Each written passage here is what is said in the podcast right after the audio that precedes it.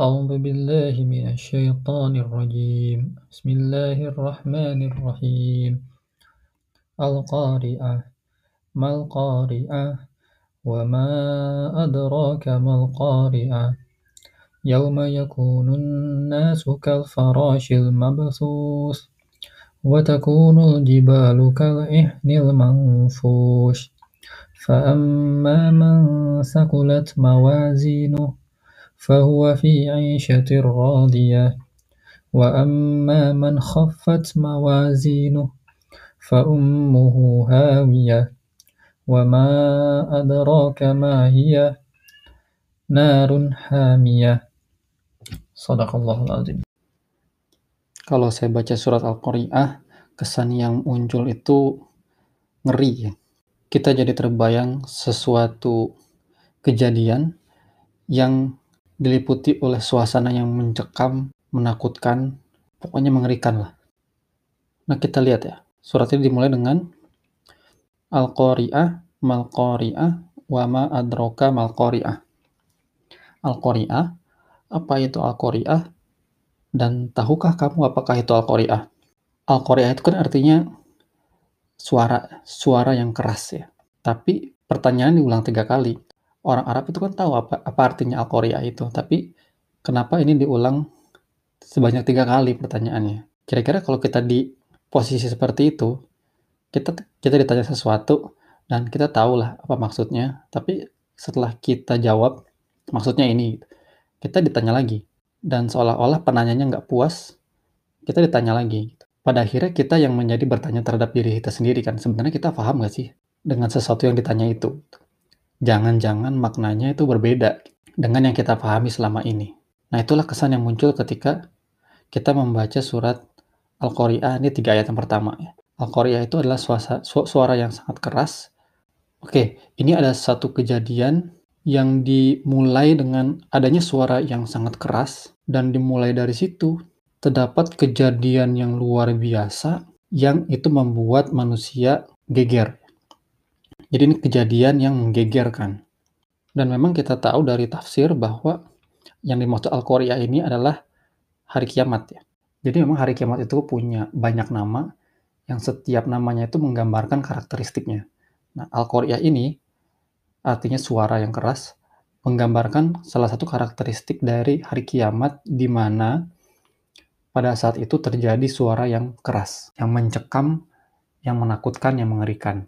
Sebagian mufasir berpendapat bahwa yang disebut suara yang keras itu adalah suara sangkakala yang kedua. Kita tahu ya bahwa sangkakala itu akan ditiup dua kali. Yang pertama adalah tiupan sangkakala untuk menghancurkan semua makhluk dan uh, si isi alam semesta sehingga yang tersisa hanyalah Allah semata.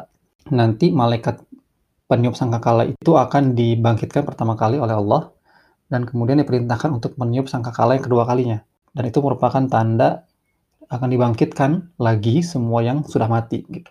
Jadi flow-nya itu nanti akan dibangkitkan dan akan dikumpulkan, diperlihatkan buku catatan amal, nanti amalnya akan ditimbang, dan baru diberi balasan. Dan itu merupakan proses yang panjang sekali. Jadi bisa dibayangkan ketika ada tiupan sangkakala yang sangat keras, sangkakala yang kedua kalinya, manusia akan geger. Oh, ada apa ini? Apalagi untuk orang-orang yang tidak beriman kepada hari akhir, yang di dunia mereka mengira bahwa setelah mereka mati sudah saja gitu. Eh ternyata kita dibangkitkan ya. Apa nih yang akan terjadi setelah ini? Dan memang saat itu buat semua orang, baik yang beriman, apalagi yang tidak beriman, suasana itu diliputi oleh suasana yang mengerikan, menakutkan. Yang yang tidak bisa kita bayangkan sebelumnya. Seperti apa sih bayangan dari kondisi itu? Yauma yakunun nasu kal faroshil mabthus. Yauma pada hari itu yakunun nasu manusia itu menjadi kal faroshil mabthus. Seperti farosh. Farosh yang berterbangan. Farosh itu apa? Farosh itu serangga, semacam serangga. Mungkin kalau kita lihat laron, dia terbangnya berputar-putar tanpa arah di sekitar cahaya dan terbangnya itu um, random Bayangkan nanti manusia seperti itu. Keadaan saat itu sangat chaos, sangat genting, sangat menakutkan. Dan saat itu semua manusia itu sendiri-sendiri. Saking gentingnya saat itu, saking chaos-nya, dia lupa dengan keluarganya saat itu. Watakunul jibalu kal ihnil manfus. Dan gunung-gunung seperti bulu yang dihamburkan. Kita bisa bayangkan bulu ada wadah berisi bulu, bulu itu dihamburkan. Kebayang betapa ringannya bulu itu. Nah, yang seperti itu tuh nanti gunung. Kalau kita lihat gunung sekarang, itu sesuatu yang kokoh kan. Bahkan bisa kita anggap gunung itu adalah benda yang terkokoh di bumi. Tapi nanti di akhirat itu ringan sekali, seperti bulu yang terbangkan. Kalau kita pikir-pikir, kenapa ya sesuatu yang kita lihat sebagai sesuatu yang sangat kuat di dunia, itu nanti di akhirat seperti tidak ada beratnya gitu. Nah ini, eh, nah ini semacam entry point untuk menjelaskan bahwa sesuatu yang kita lihat besar di dunia, tapi tunggu dulu, nanti di akhirat logik logikanya akan berbeda dengan logika dunia gitu. Ini dilanjutkan dengan ayat fa'amma man sakulat mawazinu. Fa'amma man sakulat uh, maka barang siapa yang berat apa yang berat mawazinu timbangannya. Oh, jadi nanti di akhirat itu kita akan ditimbang dan timbangan itu nanti ada yang berat, ada yang ada yang ringan. Apa sih yang ditimbang? Yang ditimbang itu adalah amal-amal kita. Dan jangan lupa, nanti logika timbangan di akhirat itu beda dengan di dunia. Suatu amal yang di dunia kita lihat sebagai amal yang besar sekali, bisa jadi nanti di akhirat itu timbangannya ternyata ringan. Tapi sebaliknya, yang ditimbangnya ringan di dunia yang kita lihat seolah-olahnya yang sepele, tapi bisa jadi nanti di akhirat itu ditimbang sebagai sebuah amal yang berat. Saya jadi teringat uh, sebuah hadis uh, riwayat uh, Bukhari Muslim yang terjemahannya itu sungguh sungguh akan datang seorang laki-laki besar dan gemuk pada hari kiamat. Nah, lalu laki-laki itu ditimbang. Nah, beratnya itu tidak mencapai lebih dari berat satu sayap seekor nyamuk. Nah, jadi apa sih yang menentukan berat atau ringannya suatu amal nanti di akhirat gitu. Kalau kita lihat bottom line-nya, dua syarat diterimanya amal itu kan yang pertama adalah niatnya ikhlas karena Allah, yang kedua caranya benar sesuai dengan apa yang dicontohkan oleh Rasul Rasulullah SAW. Nah bottom line-nya itu ya. Jadi kalau niatnya nggak ikhlas, terus caranya nggak benar, nah itu otomatis tidak diterima kan. Itu nggak ada nggak ada beratnya gitu. Tapi eh, setelah itu apa ya? Ya wallahu alam bisawab, kita tidak tahu. Tapi saya coba membayangkan, seandainya ada orang yang pas-pasan, dia bersedekah dengan kemampuannya gitu. Let's say jumlahnya tidak banyak. Kira-kira lebih berat mana amalnya dibandingkan dengan oke okay, kita dalam dalam kondisi orang yang dalam kondisi lapang dan dia bersedekah dengan jumlah yang lebih besar dibandingkan yang pertama tadi dan karena dia dalam kondisi lapang itu jadi mudah aja. Kira-kira lebih berat mana ya? Ya wallahu alam, kita tidak tahu. Namun yang pasti seberapa besar pengorbanan kita itu akan berpengaruh terhadap seberapa berat nanti amalnya ditimbang. Nah, lanjutannya apa? Buat mereka yang timbangannya berat. Fahuwa fi isyatin radiyatin. Maka ia fi isyatin dalam kehidupan. Kehidupan yang apa? Radiyatin yang memuaskan. Nah, rodiyatin ini adalah suatu kata yang menggambarkan puncak dari kesenangan, kebahagiaan, kepuasan.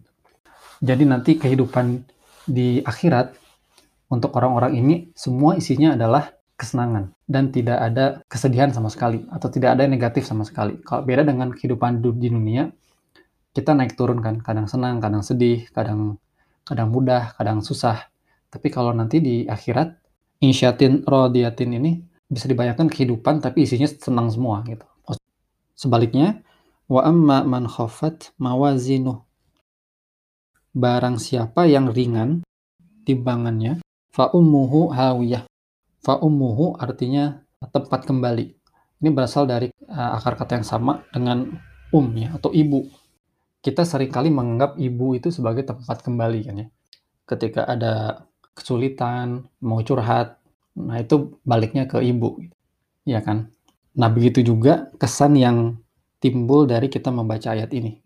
Cuma bedanya adalah kalau kita biasanya me mengesankan sosok ibu sebagai sosok yang penuh kasih sayang, penuh kehangatan. Nah, di ayat ini tuh dibalik gitu, 180 derajat karena fa ummuhu hawiyah. Tempat apa tempat kembalinya yaitu hawiyah. Hawiyah itu adalah sebuah kata yang menggambarkan sebuah tempat yang sangat dalam. Mungkin seperti jurang atau palung yang yang dalamnya tidak terbayangkan. Dan ini memang salah satu nama neraka yang menggambarkan bahwa neraka itu adalah sebuah tempat yang sangat dalam. Dan seperti seorang ibu yang tidak ingin melepaskan anaknya, begitu juga Hawiyah. Orang yang masuk ke dalamnya tidak akan dia lepaskan. Jadi ini kesannya justru jadi sangat mengerikan ya. Dilanjutkan lagi dengan wama adroka mahya, tahukah kamu apakah Hawiyah itu? Narun hamiyah, api yang sangat panas. Sudah tempatnya sangat dalam, kita tidak bisa lepas, dan di dalamnya ada api yang sangat panas. Na'udzubillah min zalik. Nah, kira-kira apa refleksi yang bisa kita peroleh dari baca surat ini? Nanti kan suasananya akan sangat mencekam ya. Dan nanti amalan kita tuh akan ditimbang. Yang baik ditimbang, yang buruk ditimbang. Dan nanti bayangan neraka itu sangat mengerikan juga. Dan bayangan kalau timbangannya bagus, nanti juga kehidupannya akan isinya baik-baik semua gitu. Nah, rasa ngeri, rasa takut yang muncul itu seharusnya bisa mendorong kita untuk selalu aware terhadap apa-apa yang kita kerjakan. Benar-benar kita perhatikan, benar-benar kita evaluasi. Kalau ada yang salah, kita bertobat dan kita takut terhadap hasil timbangan yang buruk gitu. Wallahu a'lam.